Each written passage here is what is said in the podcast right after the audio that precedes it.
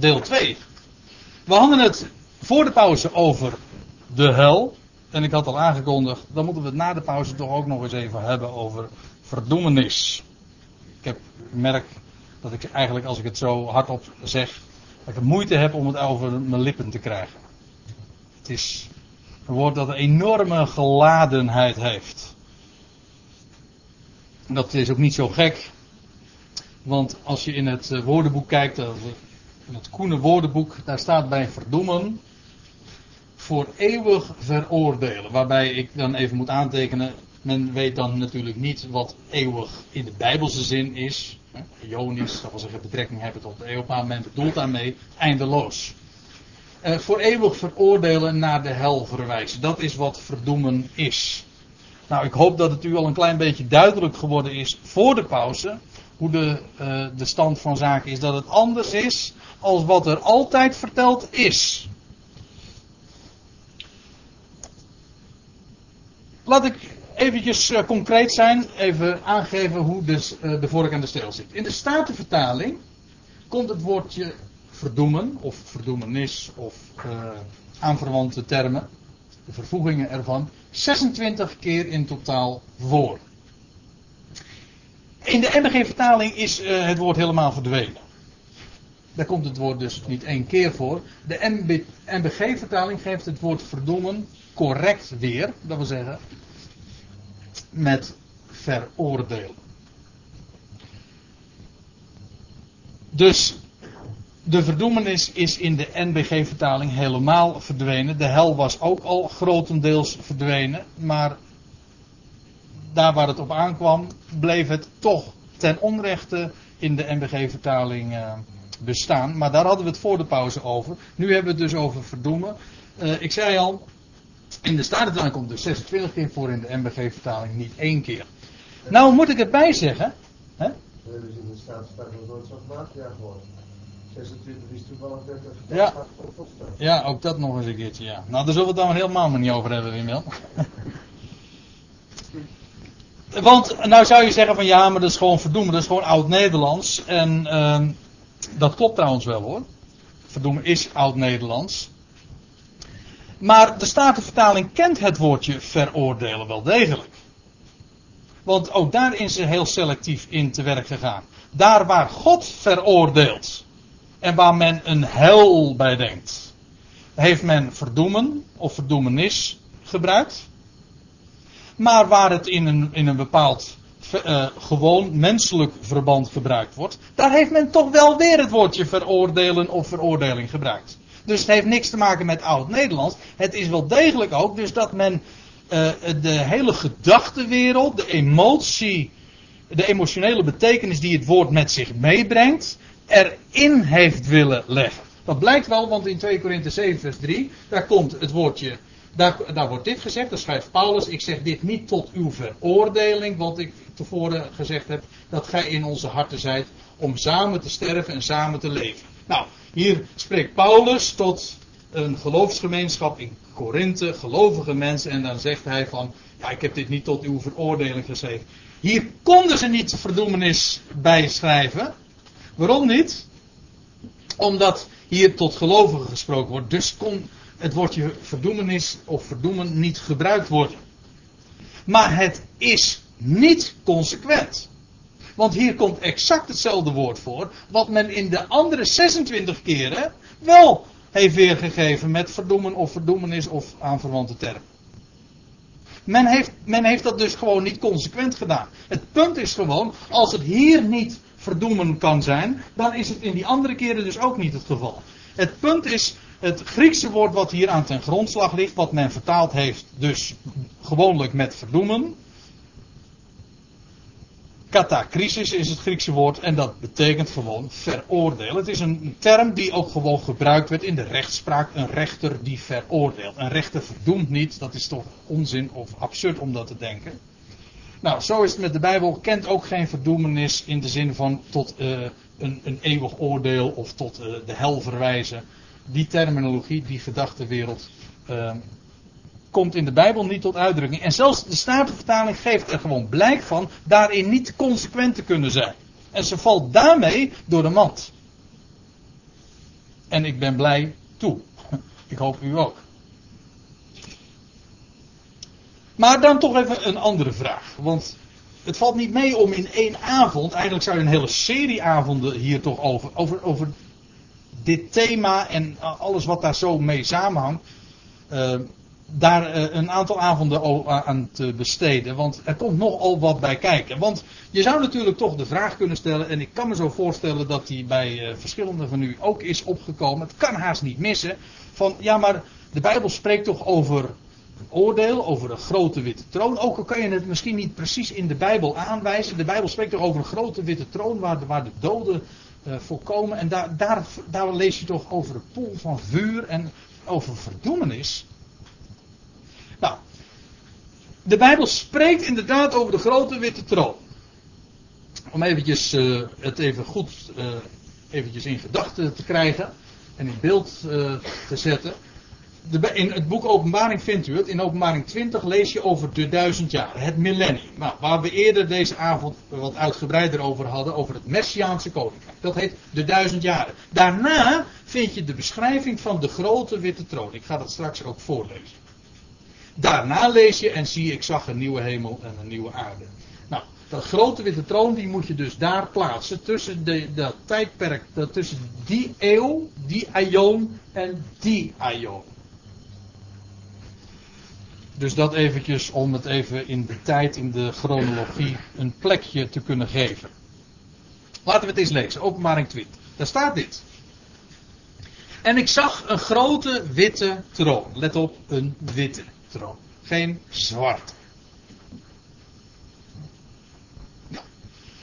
En ik zag een grote witte troon en hem die daarop gezeten was, voor wiens aangezicht de aarde en de hemel vluchtten. En geen plaats werd voor hen, dat wil zeggen voor aard en hemel, gevonden. En ik zag de doden, de grote en de kleine, staande voor de troon. En er werden boeken geopend. En nog een ander boek werd geopend, het boek des levens. En de doden werden geoordeeld op grond van hetgeen in de boeken geschreven stond, naar hun werken. Verder. En de dood en het dodenrijk werden in de poel des vuurs geworpen. Dat is de tweede dood. Poel des vuurs. En wanneer iemand niet bevonden werd geschreven te zijn in het boek des levens, werd hij geworpen. Dus let op, geworpen. Niet, staat niet uh, gesleept of zo. Geworpen in de poel des vuurs. Oh, wacht even. Zo.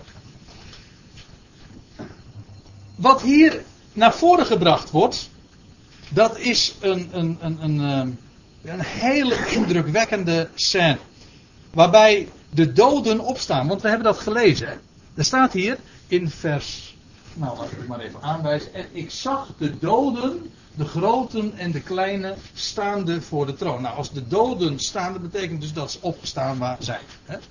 Want de normale positie van een dode is dat hij ligt. Als hier staat dat ze staan, dat betekent dat ze kennelijk opgestaan zijn.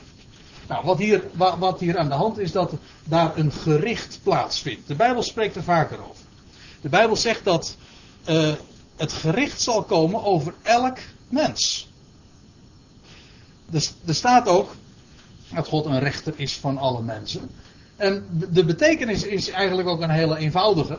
Want ik, ik wees er al eventjes op bij de voorlezing. Er staat een grote witte troon. En, daar, en daarmee wordt meteen eigenlijk ook de, de toon gezet. Of de kleur aangegeven, zal ik het dan even zo zeggen. De kleur wordt hier aangegeven. Wit. Het punt is namelijk dat God dit gericht aangrijpt, laat de, deze hele scène als het ware laat opvoeren, niet om zijn gram te halen, niet om mensen eindeloos te verdoemen, maar juist om te richten. En wat betekent gericht? Betekent rechtzetten. Alles op zijn plek zetten. Gewoon dat wat krom is, recht maken. En je leest ook dat is ook uh, het geval. Er is zoveel krom. Dat het ook dat rechtzetten pijnlijk proces zal zijn. Je leest in Romeinen 2, ik heb dat nu niet op de beamer staan, maar.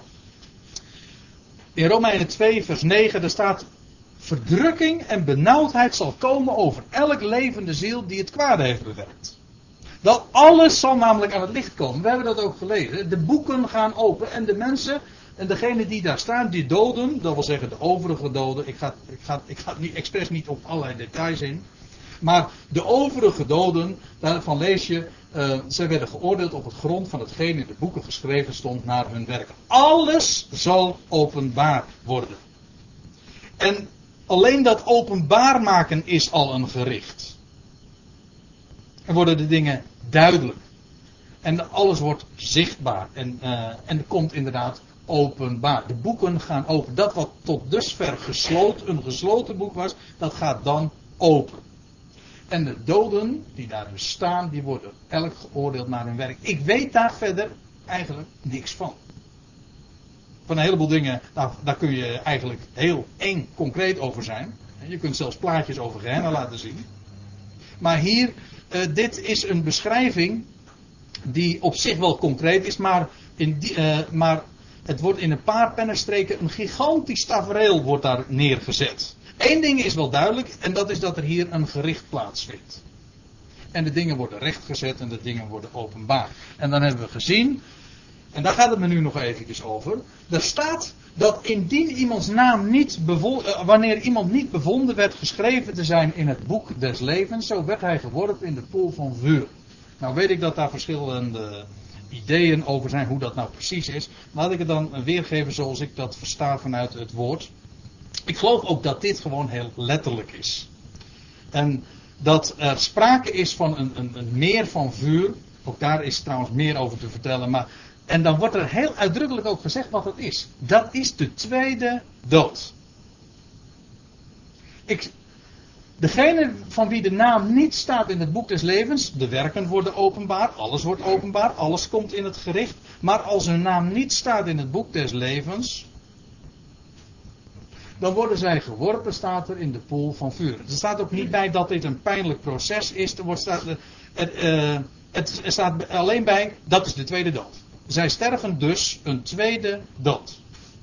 Zij zijn ooit op aarde gestorven. Elk mens sterft hier op aarde. Maar de doden zullen bij gelegenheid na de duizend jaren opstaan, gericht worden. En vervolgens, als bevonden wordt dat hun naam niet staat in het boek des levens, dan worden ze, staat hier, geworpen in de pool van vuur. En dat betekent voor hen dat ze een, voor een tweede keer doodgaan. En nou vertel ik u misschien nog iets nieuws, maar ik geloof dat dood ook gewoon dood is. Dat wil zeggen, mensen zijn zich van niets bewust. Dat is, hier wordt dus, die pool is hier helemaal geen sprake van pijniging.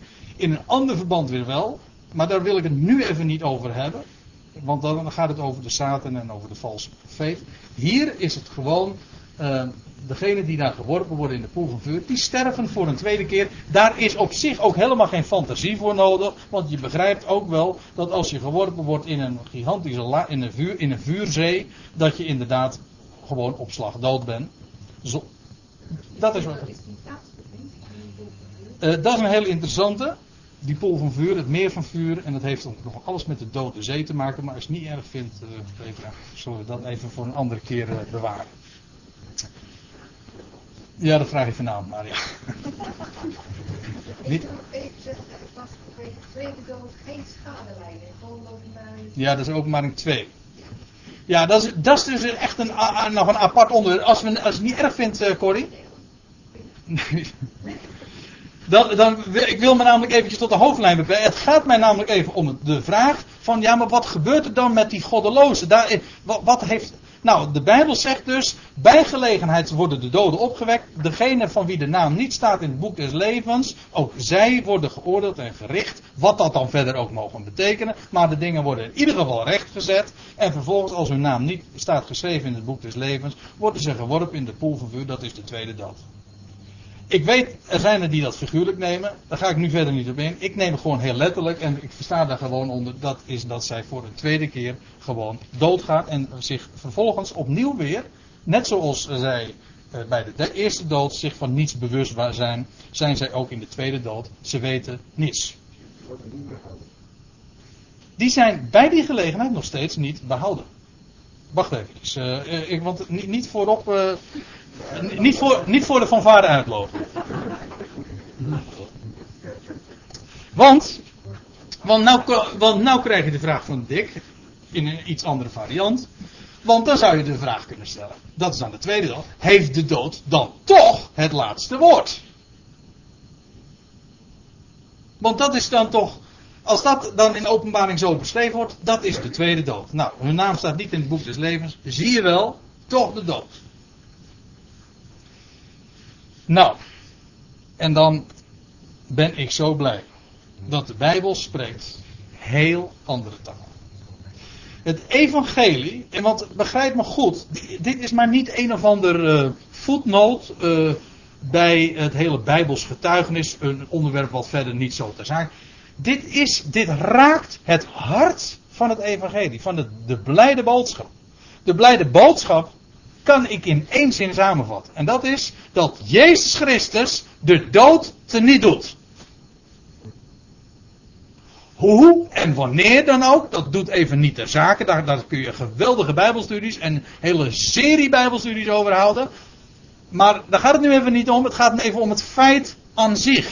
Want dat is het evangelie. Want je kunt natuurlijk ook zeggen van ja, je, je hebt dat nu allemaal zo uitvergroot en, en allerlei onderscheidingen gemaakt. Maar ik, ik heb dat allemaal nog nooit gehoord. Dat kan ik ook niet onthouden. Maakt niet uit als u maar dit onthoudt.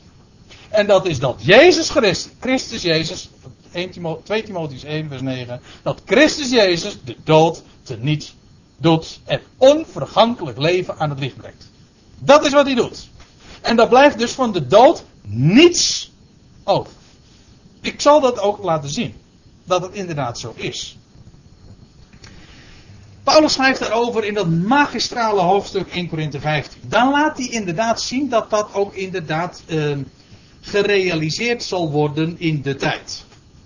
In fase, in, in, in, in, in categorieën, in rangordes. Want daar staat in 1 Korinthe 15 vers 22 dit. Want evenals in Adam alle sterven. Wie zijn dat? Nou, niet zo moeilijk lijkt mij, want dat zijn gewoon alle Adamieten.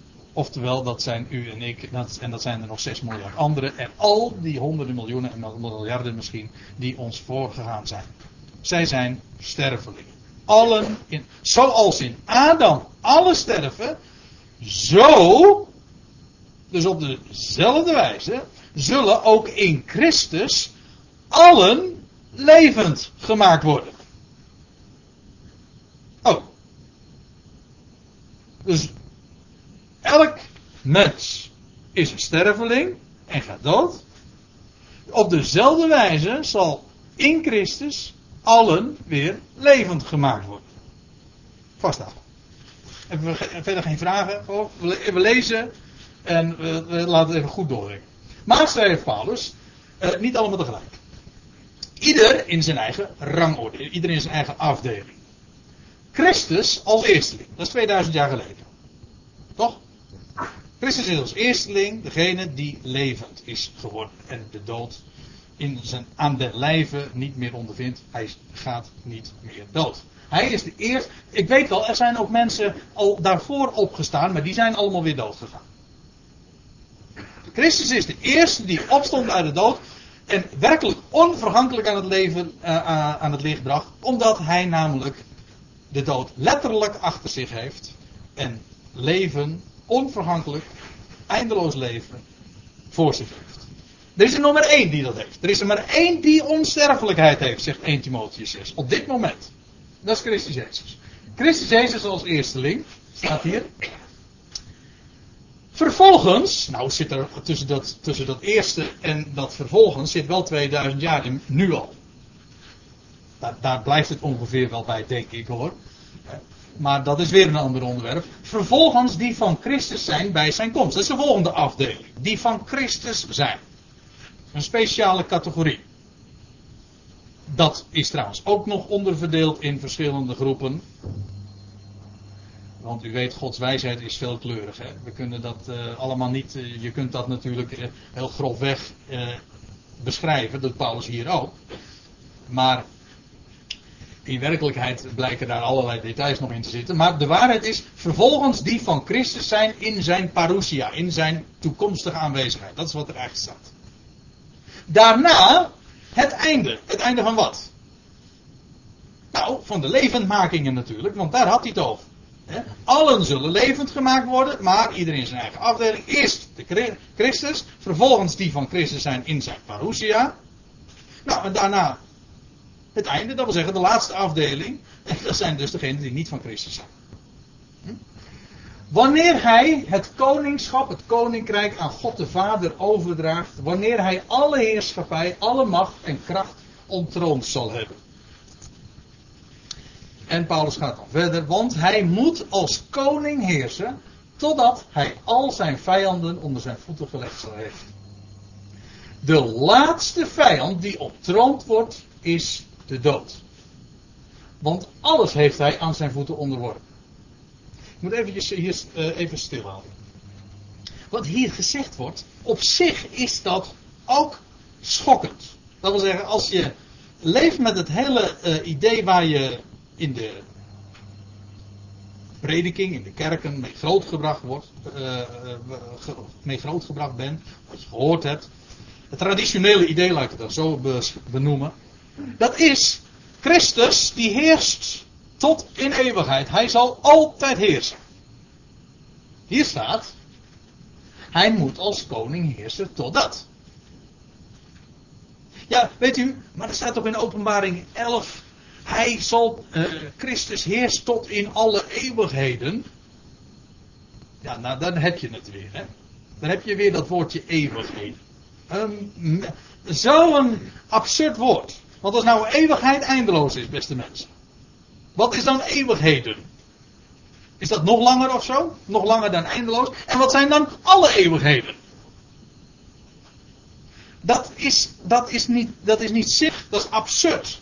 Maar dat staat er ook niet. Er staat, Christus zal heersen tot in de ionen der ionen. Kijk, en dan hebben we ineens onze vinger erachter. Want dan, dan zien we exact waar het om gaat. Namelijk, Christus zal heersen tot in die komende ionen. In die komende ion, waar we het eerder over deze avond over hadden. Dat Messiaanse koninkrijk hier op aarde. Maar ook in de nieuwe hemel en de nieuwe aarde zal hij nog heersen. En hoe lang moet hij nou heersen? Moet hij eindeloos heersen? Daarmee doe je hem geen eer hoor. Dat kan ik u wel vertellen. Want hij heerst met een bepaald doel. Hij heerst namelijk tot het einddoel gerealiseerd zal kunnen worden. Het einddoel van God bedoel ik. En Christus is degene die dat uitvoert. Want hier staat, hij moet als koning heersen totdat. Totdat hij al zijn vijanden onder zijn voeten gelegd heeft. Nou, wat is dan die laatste vijand? Dat is de dood. En weet u wat nou zo eigenaardig is? Je leest in, uh, in de Bijbel, kijk het maar na in openbaring 21, 22, dan lees je over die laatste eeuw, die laatste eeuw. Over de nieuwe hemel en de nieuwe aarde. Dan wordt er gesproken over de troon van het lam. En over dat hij daar heerst in de nieuwe hemel en de nieuwe aarde. En dan denk je van. Daar is dus nog dood. Ja, daar lees je nog steeds over degene die in de tweede dood zijn. U zegt, ja, dat is de tweede. Ja, dat is gewoon dood. Mijn tweede auto, nou ik heb er inmiddels al wat meer gehad, is ook een auto. Hè? Daar zijn nog steeds mensen dood. In, de, in openbaring 21, 22, daar lees je over Christus die heerst. En dat kan maar één ding betekenen. En dat is dat daar nog dood is. En inderdaad, daar is nog dood. Daar zijn nog mensen van wie de namen niet stond, weet u nog wel, in het boek des levens. En zij bevinden zich in de tweede dood. Nou, hier staat, Christus moet heersen totdat hij al zijn vijanden onder zijn voeten gelegd zal hebben. En dat, wat is dan die laatste vijand? Dat is de dood. Klopt exact. Klopt na, sluit naadloos aan bij wat we in openbaring lezen. Waar we nog lezen over een Christus die heerst. In de nieuwe hemel en de nieuwe aarde. Maar waar, waar anderzijds nog wel degelijk sprake is van de tweede dood. En van mensen van wie de naam niet stond in het boek des levens. Nou, en dan staat er. Ook die laatste vijand zal ontroond worden. De dood. Zal volkomen teniet gedaan worden. Want staat er. Alles heeft hij aan zijn voeten onderworpen. Je gaat hier over God die alles aan uh, Christus. Uh, uh, nee, zoals, want alles heeft hij aan zijn voeten onderworpen. En dan staat er verder in vers 27. Maar wanneer hij zegt dat alles onderworpen is. Hij is blijkbaar hij uitgezonden die hem alles onderworpen heeft. Gaat hier over God de Vader. Er is één uitzondering. Die hem niet onderworpen is. En dat is uiteraard God de Vader zelf. Dat is wat hier staat. En dan staat er in vers 28, wanneer alles hem onderworpen is, dus ook inmiddels de dood teniet gedaan zal zijn. Wat, wat gaat hij dan doen? Wat gaat dan Christus doen? Nou, we hadden het al eerder gelezen. Dan geeft hij het koninkrijk over aan God de Vader. En hier staat het opnieuw. Wanneer alles hem onderworpen is, dan zal ook de zoon zelf zich aan hem onderwerpen, die hem alles onderworpen heeft. Opdat God zij alles in allen. Kijk, en nou zijn we eigenlijk weer terug bij waar we begonnen, namelijk we lazen in vers 22. Kijk, Paulus legt hier gewoon iets uit. Hij zegt, evenals in Adam alle sterven, zo zullen in Christus allen levend gemaakt worden. Nou gaat hij zeggen, ja, iedereen zijn eigen rangorde. Gaat hij zeggen, hoe? Gaat hij uitleggen. En dan zegt hij, nou als uiteindelijk ook de dood er niet gedaan is. Ja, als de dood er niet gedaan is, dan leven alle mensen weer, toch? Dus maar, als, als er geen dood meer is, dan is er dus alleen nog maar leven. Nou, dat is precies wat God voor de mensheid heeft weggelegd. Zoals nu de, de dood is weggelegd voor heel de mensheid. Geen ontkomen aan of je nou goed bent of niet goed. Voor zover er niet goede zijn, hè? Uh, voor zover er goede zijn, pardon. Het maakt geen verschil. We zijn allemaal Adamieten en dus zijn we aan de dood onderworpen. Zo is het. Nou, zo een feit is het ook wat hier staat. Zo zullen in Christus alle levend gemaakt worden. Alleen daar gaan nog ionen overheen. God heeft de tijd hoor, echt. God zegt: Ik ga dat doen. Ieder in zijn eigen rang worden. En uiteindelijk, als de laatste vijand, de dood, niet gedaan zal zijn, ja, nou ja, dan zal Christus zijn taak volbracht hebben. En dan zal hij het koninkrijk over teruggeven aan God de Vader. En dan zal het zijn: God, alles in allen. Dat wil zeggen, en is er dan geen uitzondering? Nee, geen enkele uitzondering. Die ene uitzondering die er was, dat was God de Vader zelf, uiteraard. En voor de rest is de ganse schepping, het heel, alle creatuur, alle schepselen, en hier meer specifiek, heel de mensheid, allen die in Adam sterven, zullen dan zijn levend gemaakt. En God wordt ook in hen. Alles. En dan is er dus geen dood. Die is teniet gedaan. Kijk, dat is het grote einddoel. Geen hel, geen verdoemenis. Er is veroordeling. Er is straf. Er is gericht. Er is zoiets als een dal van Hinnom. Er is een strenge heerschappij in het koninkrijk dat gaat komen. Allemaal tot je dienst. Ik doe daar niets van af. Ik hoop dat ik het vanavond ook duidelijk naar voren heb gebracht. Natuurlijk, ik, heb ik was ook beperkt in de tijd en, sowieso in capaciteit om het uh, voor het voetlicht te brengen. Maar het gaat er maar om, ik, ik, wil dat gewoon haarzuiver aan u aan doorgeven zoals de schrift erover spreekt. Ik wil daar niets van afdoen. Maar dit is wat God op het oog heeft. Namelijk om alles te worden in heel zijn schepping. Geen creatuur, geen schepsel uitgezonderd. Want wat hij heeft geschapen, dat laat hij nooit varen. Geen werk zijn handen laat hij ooit varen. Klinkt het u vertrouwd in de oren? Ik hoop van wel. De ellende is alleen dat bijna geen sterveling het gelooft. Nee, is echt waar. Bijna geen sterveling gelooft het. Maar God zegt het. Ik laat nooit varen het werk van mijn handen. Want het is van mij namelijk. En als ik, het, als ik het kwijt ben, dan zoek ik het net zolang dat ik het gewonnen heb. Dat is een goede herder hoor. Kijk, wat er gepredikt wordt, dat is een karikatuur van God. Een God waarvan mensen zeggen van, dat, is dat nou een God van liefde? Ja, dit is een God van liefde. Die door de tijden heen en die door processen heen, ook door pijnlijke processen heen, uiteindelijk gewoon zijn einddoel bereikt. God zei alles in allen. Zal ik je nog eens wat vertellen? Daar eindig ik mee. Romeinen 5 vers 18. Daar staat dit namelijk ook zo. Daar staat het woordje, dat is wel leuk, want we hadden het, het thema van voor na de pauze was verdoemenis. Als u een staat, ik heb het nu in de MBG weer, weergegeven, had ik misschien niet moeten doen. Maar in de, in de Statenvertaling staat hier ook het woordje verdoemenis. Heel eigenaardig. En dan zie je dat zelfs zo'n hele slechte vertaling er toch uiteindelijk niet dat enorme licht van God kan uitdoven. Zelfs niet, nee, dat is echt waar. Zelfs zo'n vreselijke slechte vertaling zo'n zo'n afschuwelijk vertaalwoord als verdoemenis kan niet het licht doven wat God in, door de schrift heen laat schijnen. Want weet u wat er staat? Nou, exact hetzelfde als in 1 Korinthe 15. Alleen hier heel in, in haast, in, als je het in, het Grieks leest, in, de, in het origineel, dan staat gewoon in telegramstijl. Korter kan het niet, maar ook duidelijker kan het niet. Zo zwart-wit, zo, zo scherp, maar ook zo magistraal. Echt evangelie.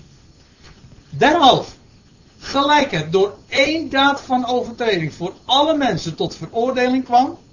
Alle mensen zijn veroordeeld nu om een sterveling te zijn en een zondaar. We zijn we allemaal toe veroordeeld. En mensen zeggen van, dat is ook onrechtvaardig.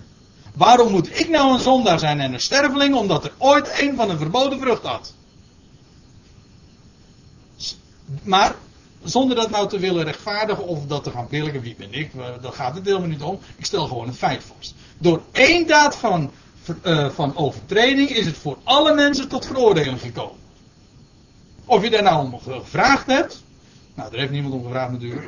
Uh, maar of je dat nou leuk vindt of niet, of dat je dat nou accepteert of niet, het is gewoon een gegeven. Oké. Maar dan is het ander ook waar. Zo, op dezelfde wijze, onontkoombaar, geen uitzondering bestaat erop. Zo komt het ook door één daad van gerechtigheid, Golgotha, Christus, voor alle mensen tot rechtvaardiging van leven. Maar de. Kijk. Staat dat er? Dat staat er. Kijk het maar na in uw eigen Bijbeltje. En ik kan me eigenlijk nog niet eens schelen wat voor vertaling u gebruikt ook. Het staat er zo. Het is ook zo logisch. Als nou door één mens, door één daad, er veroordeling en dood en zonde in de wereld gekomen is. Zou dan die mens die na hem kwam, de laatste Adam, minder zijn? Dat is wat men alom zegt hoor. Men zegt, ja, door Adam werd de hele mensheid een zondaar en een sterveling en kwam de verdoemenis. En door die andere mens, ja, die is veel minder, die er probeert nog te redden wat te redden valt. Of uh, die redt, nou ja, in ieder geval, die redt een klein clubje. Dacht u dat? Dacht u dat God tevreden was met een klein clubje? Dacht u dat werkelijk dat Adam de hele mensheid meesleept in de val en in veroordeling en in dood? En dat God dan Christus zendt en zegt van nou, maar ik ben tevreden met een, klein, met een klein groepje. Al is het voor mijn part een paar miljoen, maar dat is nog een klein clubje vergeleken met de rest. Nee, God denkt groot. God heeft de hele mensheid op het oog. God heeft elk mens onvoorwaardelijk lief. Kijk, en als u, dat, wil, dat wil ik eigenlijk vertellen. En God bewijst die liefde. En hij doet de dood teniet. En hij rechtvaardigt bij gelegenheid elk mens. Zo'n zo God kennen wij. Dus niet verdoemenis, nee, rechtvaardiging van leven. Voor elk mensenkind. Is dat nou evangelie of is dat geen evangelie? En als het nou evangelie is, als dit nou echt goed bericht is, dan moet het toch verteld worden, mensen. Zo simpel, zo eenvoudig. God is inderdaad een redder. Elk mens. Speciaal voor ons die dit geloven, alsjeblieft. Ook dat nog eens. Goed, ik stel voor dat we het daar maar bij laten vandaag.